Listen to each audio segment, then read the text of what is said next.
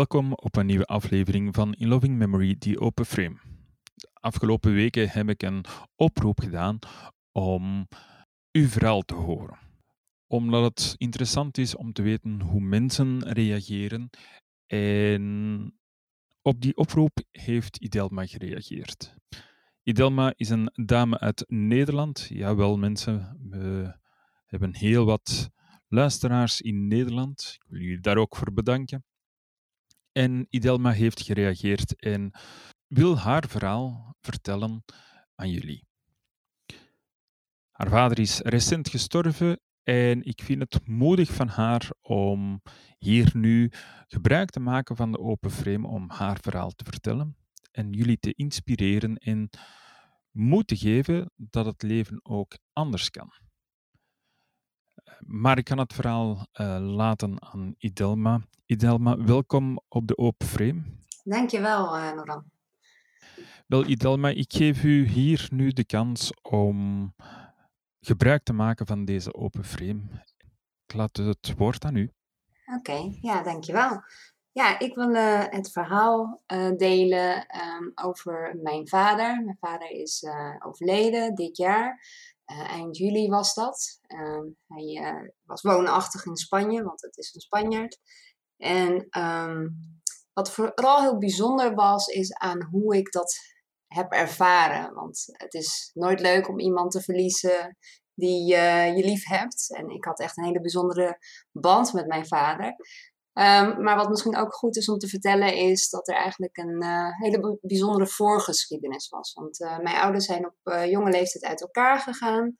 Um, toen ik vijf was en toen is mijn moeder hertrouwd. En toen zijn we in Nederland uiteindelijk komen wonen.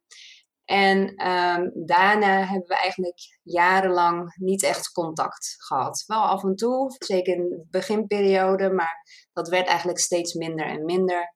Uh, want uh, ja, het leven ging door en nieuw gezin. En, en mijn vader die uh, werkte ook veel, reisde de hele wereld over. Dus langzaam verloren we elkaar eigenlijk uit het oog.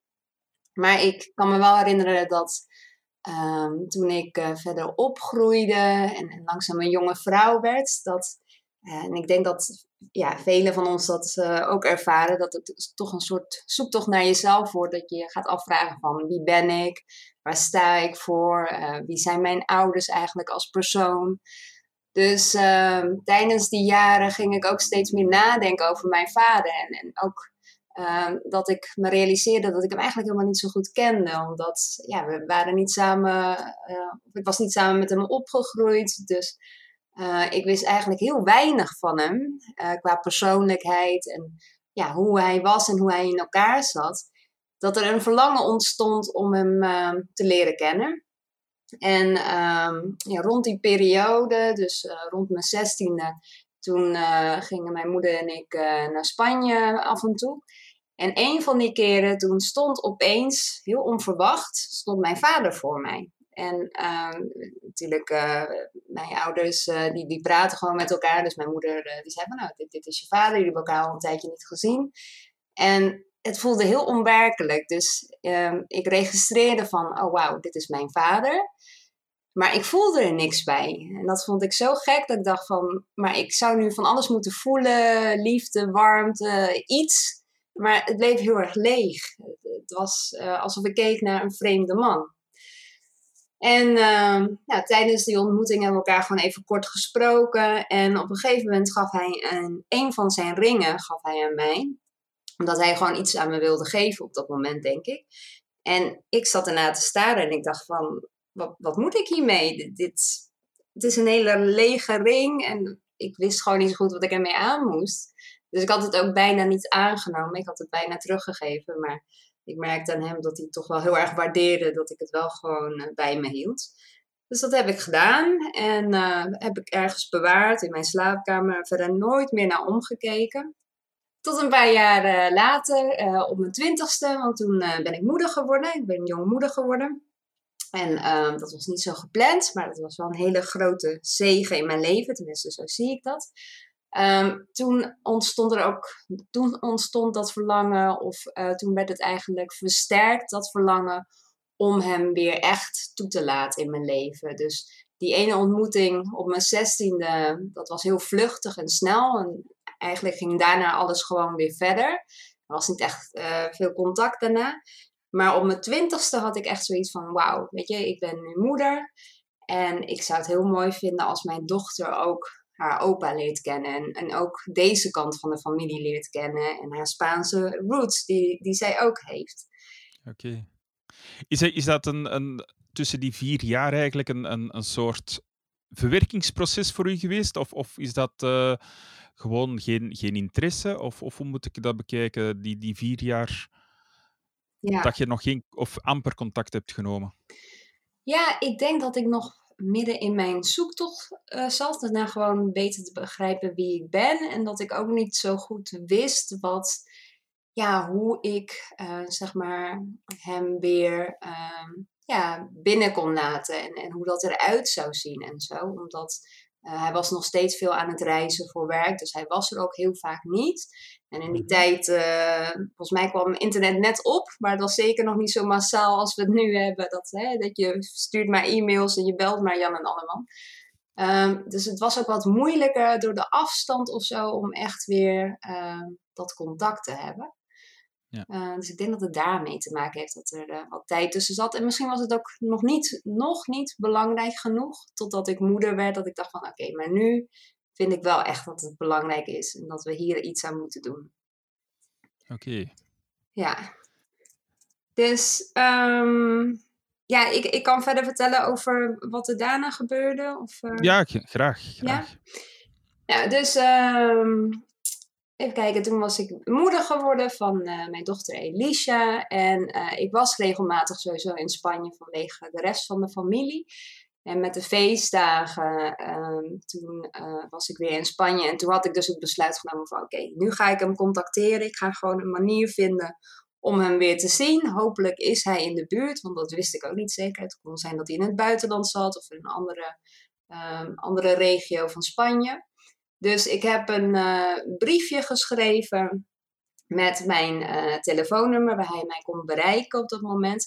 En met de vraag van, uh, zou jij mij kunnen bellen en zouden we elkaar eventueel kunnen ontmoeten. Um, en dat heb ik in zijn brievenbus gestopt, want hij had een kantoortje in, in Torremolinos, want daar kwam hij vaak. En dat briefje heb ik in zijn brievenbus gestopt. En voor de rest heb ik het gewoon losgelaten en dacht van, nou, hopelijk contacteert hij mij, maar ik weet het eigenlijk helemaal niet zeker. En nou, dezelfde middag uh, heeft hij mij teruggebeld. En een paar dagen later hebben we elkaar dan ook echt gezien. Ik was daar ook met, uh, met mijn dochter, dus hij heeft gelijk zijn kleinkind mogen ontmoeten. En dat was heel bijzonder. En nog steeds was het gek en onwerkelijk, want er was nog geen band. We waren in principe gewoon twee vreemden um, die wel verbonden waren aan elkaar, maar nog niet echt uh, een normale uh, ja, normale verbindenis hadden, zoals je normaal gesproken met familie of uh, uh, vrienden hebt. Ja. Um, dus ehm, ja, we hebben elkaar een paar keer gezien. En eigenlijk wat daarna ontstond was wel heel bijzonder, want we hebben dat contact ook echt, um, ja, echt ervoor gezorgd dat we regelmatig contact zouden hebben. Uh, dus uh, elke keer als ik weer dan naar Spanje kwam, ging ik ook steeds vaker hem opzoeken. En op een gegeven moment bleef ik gewoon bij hem en, en zijn toenmalige vrouw logeren. En op een gegeven moment werd hij zelfs de reden van mijn bezoekjes aan Spanje, omdat ik hem gewoon heel graag wilde zien. Dus het was heel bijzonder om, zeker als ik nu terugkijk, ik bedoel, ik ben nu 38, toen was ik ja, 2021 hoe dat allemaal is gelopen. En vooral te realiseren dat uh, ook al gaat er veel tijd overheen, of ook al zijn er dingen gebeurd, dat het eigenlijk altijd mogelijk is om weer uh, de relatie te herstellen, als, als maar beide personen dat willen en daarvoor openstaan. En bij ons was dat blijkbaar het geval, want we hebben echt een geweldige band gekregen. En ik kan ook echt zeggen dat ik uh, mijn vader heel goed heb mogen leren kennen, al, zijn uh, goede en minder goede kanten. En um, ja, dat heeft vooral uh, voor gezorgd dat we heel veel mooie momenten hebben mogen delen. Dus dat was heel bijzonder. En voor mijn uh, dochter, voor Elisha, ze heeft echt een geweldige opa gekend. Waar ze met een hele grote glimlach aan terugdenkt. Uh, hij is echt een opa voor haar geweest. Dus ja, ja. daar ben ik vooral heel erg dankbaar voor. Heb jij ooit over, over zijn gevoelens gesproken tijdens, tijdens die, die lange stilte eigenlijk? Of, of hoe dat hij zich voelde op, op het moment dat hij geen contact had met u? Um, ja, we hebben er wel eens over gesproken, niet heel uitgebreid, omdat mijn vader vond het ook moeilijk om echt de diepte in te gaan en echt zijn ware gevoelens te laten zien. Want hij was best wel een macho man, dus iemand die zoiets had van uh, ja, gewoon dingen aanpakken en, en zeker niet gaan huilen of zo. Dat was absoluut niet zijn stijl. Maar um, wat, wat, hij te zeggen had over die tijd is um, dat hij zeker wel heeft geprobeerd om uh, die relatie vast te houden, zeg maar. Um, alleen dat het uh, hem niet makkelijk werd gemaakt. En dan zijn er weer verwijten naar mijn moeder toe en zo. Zoals dat wel vaker gaat als mensen uit elkaar gaan. Ja. En dat hij ook door werk vaak werd opgeslokt. Um, ja, maar dat hij wel heel blij was dat het uiteindelijk wel zo gelopen is allemaal. Dus uh, ja, hij uh, kijkt er ook positief uh, naar terug. Keek er positief naar terug, dat weet ik wel. En nu is u, uw vader eigenlijk uh, dit jaar gestorven. Ja. En daar, um, zeker in de coronatijd, is dat natuurlijk niet zo eenvoudig. Nee. Kunnen daar, daar misschien iets, iets over vertellen? Hoe, hoe, dat het, hoe dat de uitvaart gebeurd is? Hè? Want dat was in Spanje, zei je. Uh, bij ons, ons voorbereiding. Um, hoe is dat daar gegaan? Want ja, in België en Nederland zijn er allemaal verschillende wetten van het. Uh, nu tegenwoordig mogen we maar in België met 15 mensen. Hoe was dat toen in, in Spanje? Ja, nou, het, het, was sowieso heel bijzonder. Want Nederland heeft ook een lockdown gehad. Maar dat was uh, al veel eerder in het jaar, rond april. En hij overleed eind juli.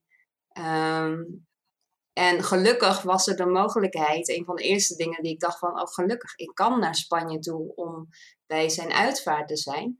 Alleen uh, in Spanje uh, gaat dat proces best wel snel. Dus als iemand overlijdt, dan wordt hij al de volgende dag gecremeerd of begraven. Dus dat, er was best wel veel haast bij.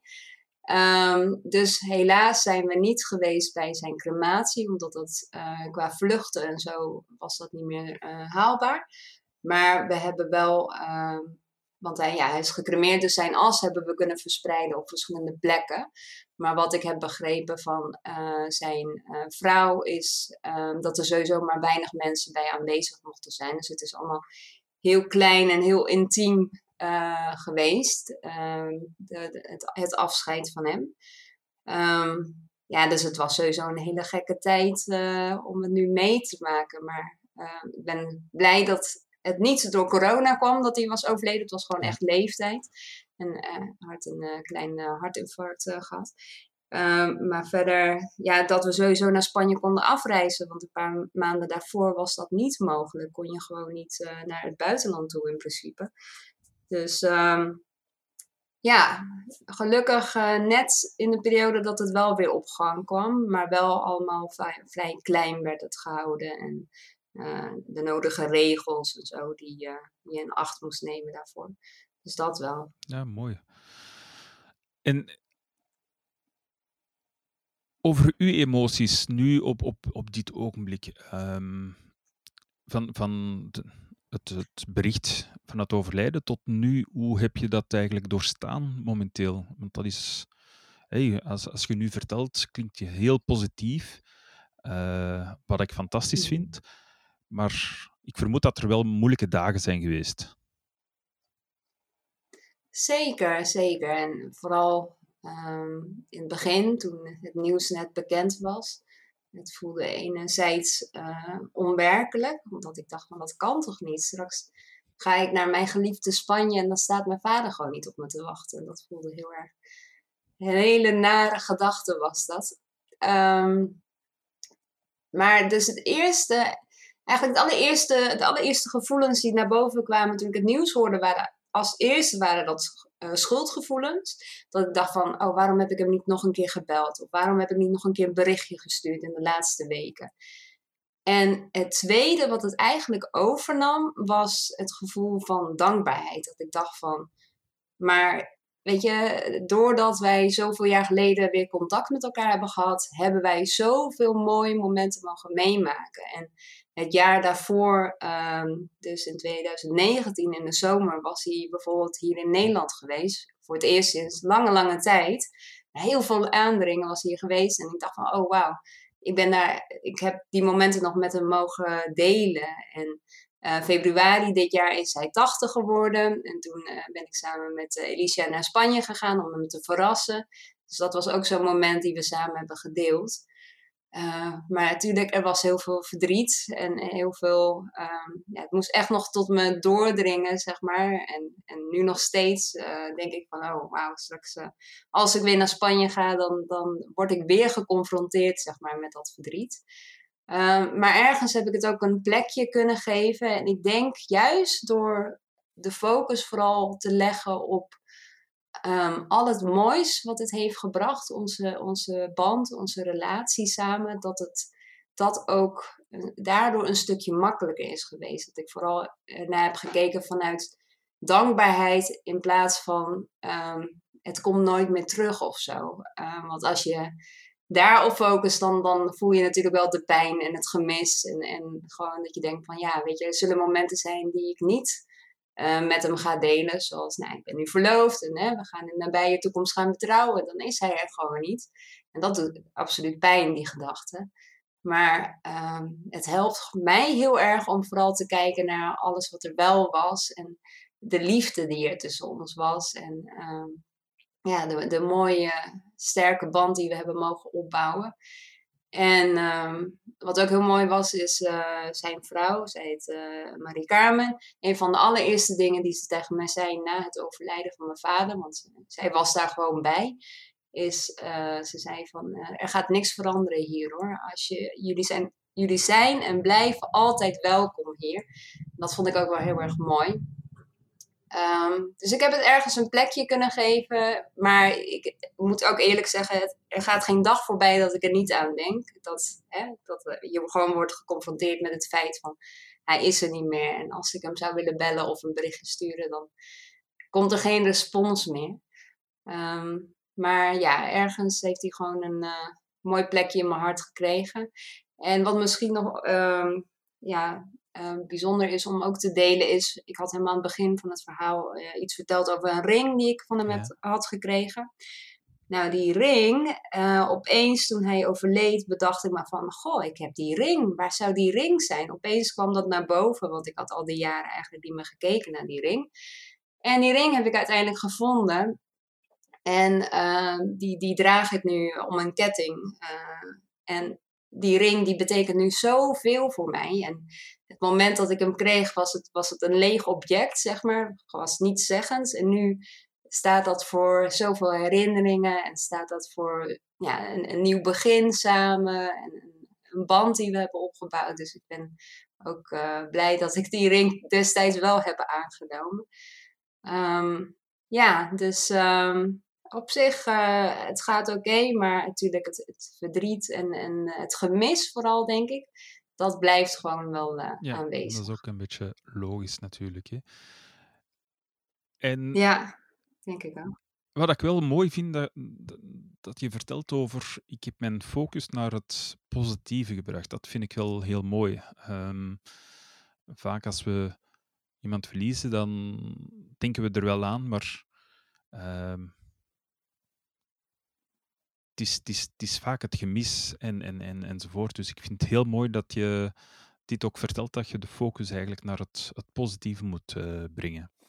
En, uh, ja. en uw, uw dochter, hoe heeft die dat eigenlijk uh, opgenomen? Uh, want die is ondertussen, hoe oud is hij? 17. 17. Ze is 17. Ja, dus een grote meid. Maar ja, eigenlijk vond ik dat een van de ergste momenten. Want ehm, ik werd uh, s ochtends wakker en, en ik had een bericht ontvangen dus dat hij was overleden. En uh, dat voelde onwerkelijk, maar een van de eerste dingen ook die door mijn hoofd schoten was van ik moet het straks mijn dochter mhm. gaan vertellen. Hoe verschrikkelijk is dat? En ik kon me alleen maar voorstellen hoeveel verdriet uh, dat bij haar zou opwekken, omdat ik wist hoe gek ze was haar op haar opa. Ze was echt dol op hem. Dus um, ja, uiteindelijk heb ik haar uh, wakker gemaakt die ochtend en heb ik haar het nieuws verteld. En het was een hoop emotie, een hoop gehuil en, en een hoop verdriet. En ja, ik bedoel, ik denk dat, dat zij er nu ook iets van bedoel, ze, ze miste hem nog steeds uh, vaak. En vooral in het begin zei ze tegen mij: Het voelt nog steeds heel onwerkelijk. Alsof het niet echt is. Alsof, weet je, ik ga morgen naar Spanje en dan staat hij daar gewoon. Uh, dus het was ook nog een stukje acceptatie, denk ik, waar ze doorheen moest gaan. Um, maar uh, ja, vooral in het begin heel veel verdriet. En inmiddels ja, ook wel een soort van geaccepteerd. En ik denk ook dat het heeft geholpen dat we gewoon een heel mooi en bewust afscheid hebben gehad. Dus mijn vader had de wens om dat zijn as op verschillende plekken werden mhm. uitgestrooid. En dat hebben we ook allemaal gedaan met, met uh, de belangrijke mensen uh, uit zijn leven. En um, ja, daardoor uh, hebben we echt wel afscheid kunnen nemen. En misschien helpt het ook dat, dat ze heeft gezien hoe ik ermee ben omgegaan. Dat weet ik niet zeker. Maar in principe is ze oké okay onder. alleen ja, natuurlijk ook net zoals ik, het gemis blijft gewoon. Dus uh, het komt en gaat eigenlijk een beetje bij haar, zie ik. En jullie hebben elkaar voor uh, elkaar te ondersteunen, vermoed ik. Of is het soms moeilijk? Ja, dat scheelt. Dat scheelt inderdaad. En ook uh, wat andere naaste familie. Dus um, dat helpt heel erg. Um, en ik wilde nog even reageren op wat je eerder zei over van uh, door te focussen op het positieve, dat het voor mij persoonlijk makkelijker werd de hele mm -hmm. situatie te accepteren. En dat was eigenlijk iets wat ik heb geleerd van een van mijn uh, mentors. Want Um, die had een verhaal gedeeld over toen hij zijn vader verloor. Dat iemand, een goede vriend van hem, had gezegd van... Um, nu hij overleden is, dat, dat is gewoon heel erg moeilijk.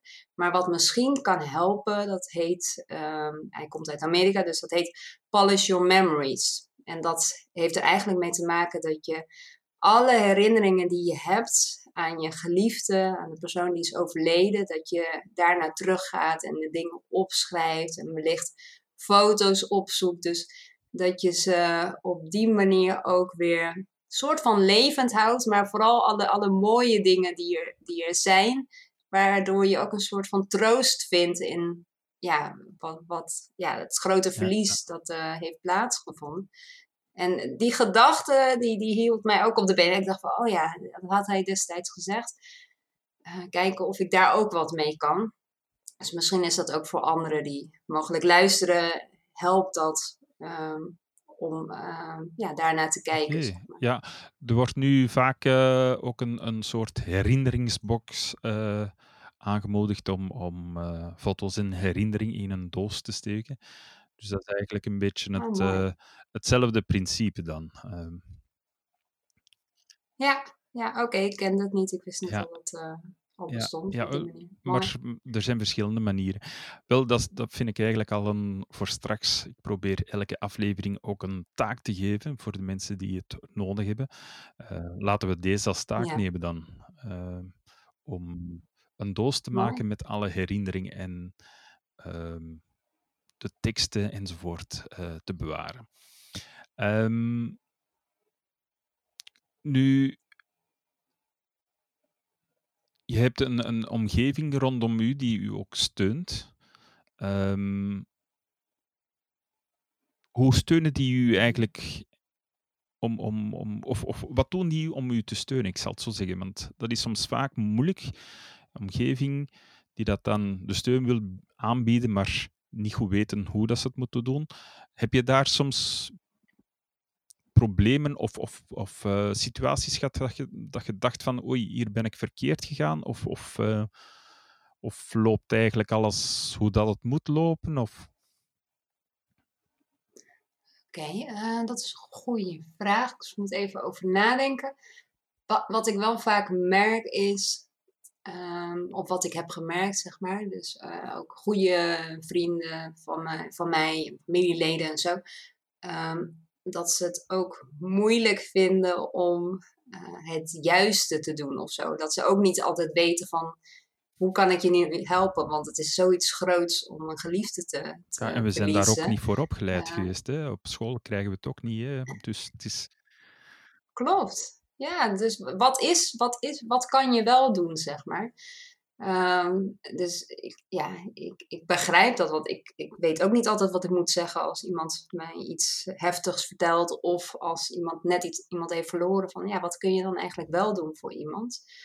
Um, wat ik zag, uh, dat een van uh, ja, mijn beste vriendinnen, wat zij eigenlijk aanbood, is vooral dat ze zei van als je erover wil praten, weet gewoon dat ik hier ben.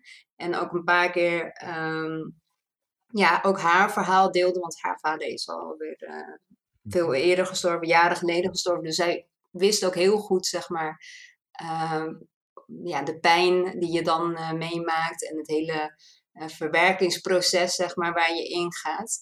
En door haar verhaal te, deel, te delen, merkte ik ook um, dat ik een soort van verbinding voelde en ook misschien ja, dat ik me op mijn gemak genoeg voelde om, om dat verdriet te delen. Want uh, ja, verdriet is eigenlijk best wel een, een, heel persoonlijk iets. En dat ga je niet met iedereen delen. Tenminste, daar ben je best, vaak best wel selectief in, omdat het toch iets is wat je, mm-hmm. wat je raakt. En misschien hè, word je emotioneel op dat moment.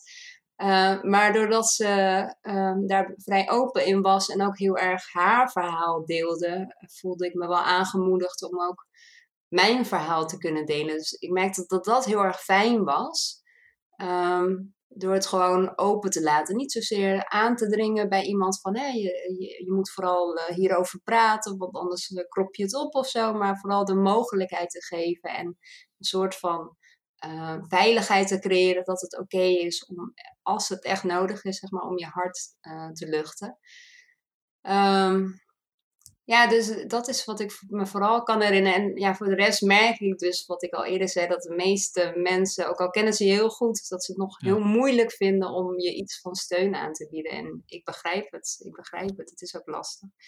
Um, maar ik ben het met je eens, uh, Laurent. Ik denk dat het een goed onderwerp is om meer aandacht aan te besteden van hoe gaan wij om met verdriet en, en hoe verwerken we zoiets. En wat kan je doen inderdaad voor een ander? Hoe kan je er voor iemand anders zijn? Ja, ik vind, ik vind het spijtig, ik weet niet hoe dat het in Nederland is, maar ik vermoed dat dat ongeveer hetzelfde is.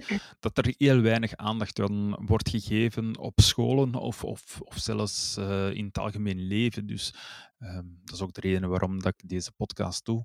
Um, ja. En, en ja, ik vind, ik vind het fijn om, om, om ook de mensen te horen hoe dat ze daarmee omgaan. Um, je gaat er vrij positief mee om en ik vind het super. En er zijn natuurlijk moeilijke momenten en dat gaat nog blijven. Binnenkort is het ook uh, kerstmis, dus dat zijn ook de, de, de moeilijke momenten om, dat, uh, om, om die ja. periode door te gaan. Um, maar ik vind het wel tof dat, uh, dat, dat je eigenlijk continu aan, aan de positieve en de, en de leuke momenten denkt. Dus je bent goed bezig. ja, ik denk dat het ook een beetje ja. hoort bij mijn persoonlijkheid. Ik, ik, vind het makkelijker om daarop te focussen dan op het negatieve. Um, maar het, ja. Heeft uw dochter dezelfde persoonlijkheid? Niet altijd, moet ik zeggen. Zij, zij is meer een, uh, nee. wat je noemt een mismatcher. Dus dat ze toch iets meer focust op de dingen die er niet zijn of uh, ontbreken. Um, maar ja. ja. in dit geval was het gelukkig wel. En ik denk dat dat haar absoluut heeft geholpen om uh, dit te verwerken. Of in ieder geval deels te verwerken. Want het is nog een proces die gaande is. Ja, maar in ieder geval deels. Er is nog een lange weg te doen, hè? Ja, precies, precies. Nee, top. Heb je nog iets toe te voegen of, of kunnen nog iets vertellen uh, om, om de luisteraars ook te inspireren? Uh... Um, Oké, okay, even nadenken. Um, ja, de, de, reden, zeg maar, um, waarom ik het verhaal van mijn vader heel graag wilde delen, um, had ook te maken met een stukje um, vergeving en een stukje ja, een stukje iemand een, een, tweede kans geven. Want hè, natuurlijk er waren dingen gebeurd uh, in het verleden tussen mijn ouders en zo. Dus daar zat het een en ander. Ehm, maar uh, juist door je in ieder geval open te stellen voor de mogelijkheid. Want hè, we zijn mens en, en we zijn absoluut niet perfect. We hebben onze, onze mindere kanten. Um, weet je nooit um, waar je ja, weet je nooit wat, er mogelijk is, zeg maar, uh, wat eruit kan groeien. Of dat nou gewoon uh, vergeving is en gewoon dat je iets definitief kan afsluiten. Of dat het wellicht het begin is van iets nieuws, van iets moois wat kan worden opgebouwd. Uh, hoe dan ook, ehm, het kan positief uitpakken. Dus wat, dat is eigenlijk voor mij ook heel erg de les die ik uit heb gehaald van um, ja, al die jaren met mijn vader. Het heeft zoveel moois gebracht.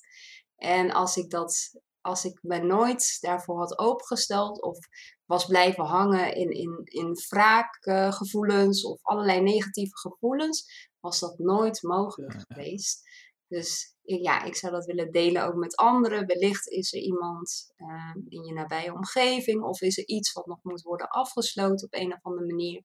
En kijk of je dat kan doen door te vergeven en je open te stellen. Ik hoop dat iemand daar wat aan heeft. Amai, mooi, mooi. En ik uh, denk dat er heel veel mensen nu geïnspireerd zijn om uh, misschien de wraakgevoelens eventjes op te draaien en ook uh, veel mensen te vergeven. Is ook nu misschien een mooie periode tijdens de corona. We hebben toch weinig te doen, dus we kunnen daar beter ons focussen op het positieve. Ja, ik denk het ook. Wel, Idelma, ik wil u bedanken voor dit mooi inspirerend verhaal. En ik wens u nog alle sterkte toe. Mm En Hebt u ook een verhaal dat u wenst te delen, zoals Idelma? Wel, de Open Frame is voor u beschikbaar. Hoe kan je nu aanmelden voor uw verhaal te delen? Is eigenlijk heel eenvoudig. Door een mailtje te sturen naar openframe.inlovingmemory.be. U kan altijd een review achterlaten over deze aflevering en dat kan op de website inlovingmemory.be slash open-frame. Daar staat onze podcast ook nog eens uh, tentoongesteld en is er ook een mogelijkheid om daar een review te sturen.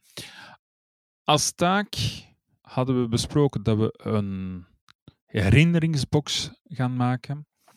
Dus als je daar nood aan hebt, dan neem je een schoendoos of een mooie doos en zet je alle brieven, berichten, uh, memoires, foto's enzovoort in die doos. En die doos kun je gebruiken als je het wat moeilijker hebt en op een bepaald moment moet werken aan de emotie.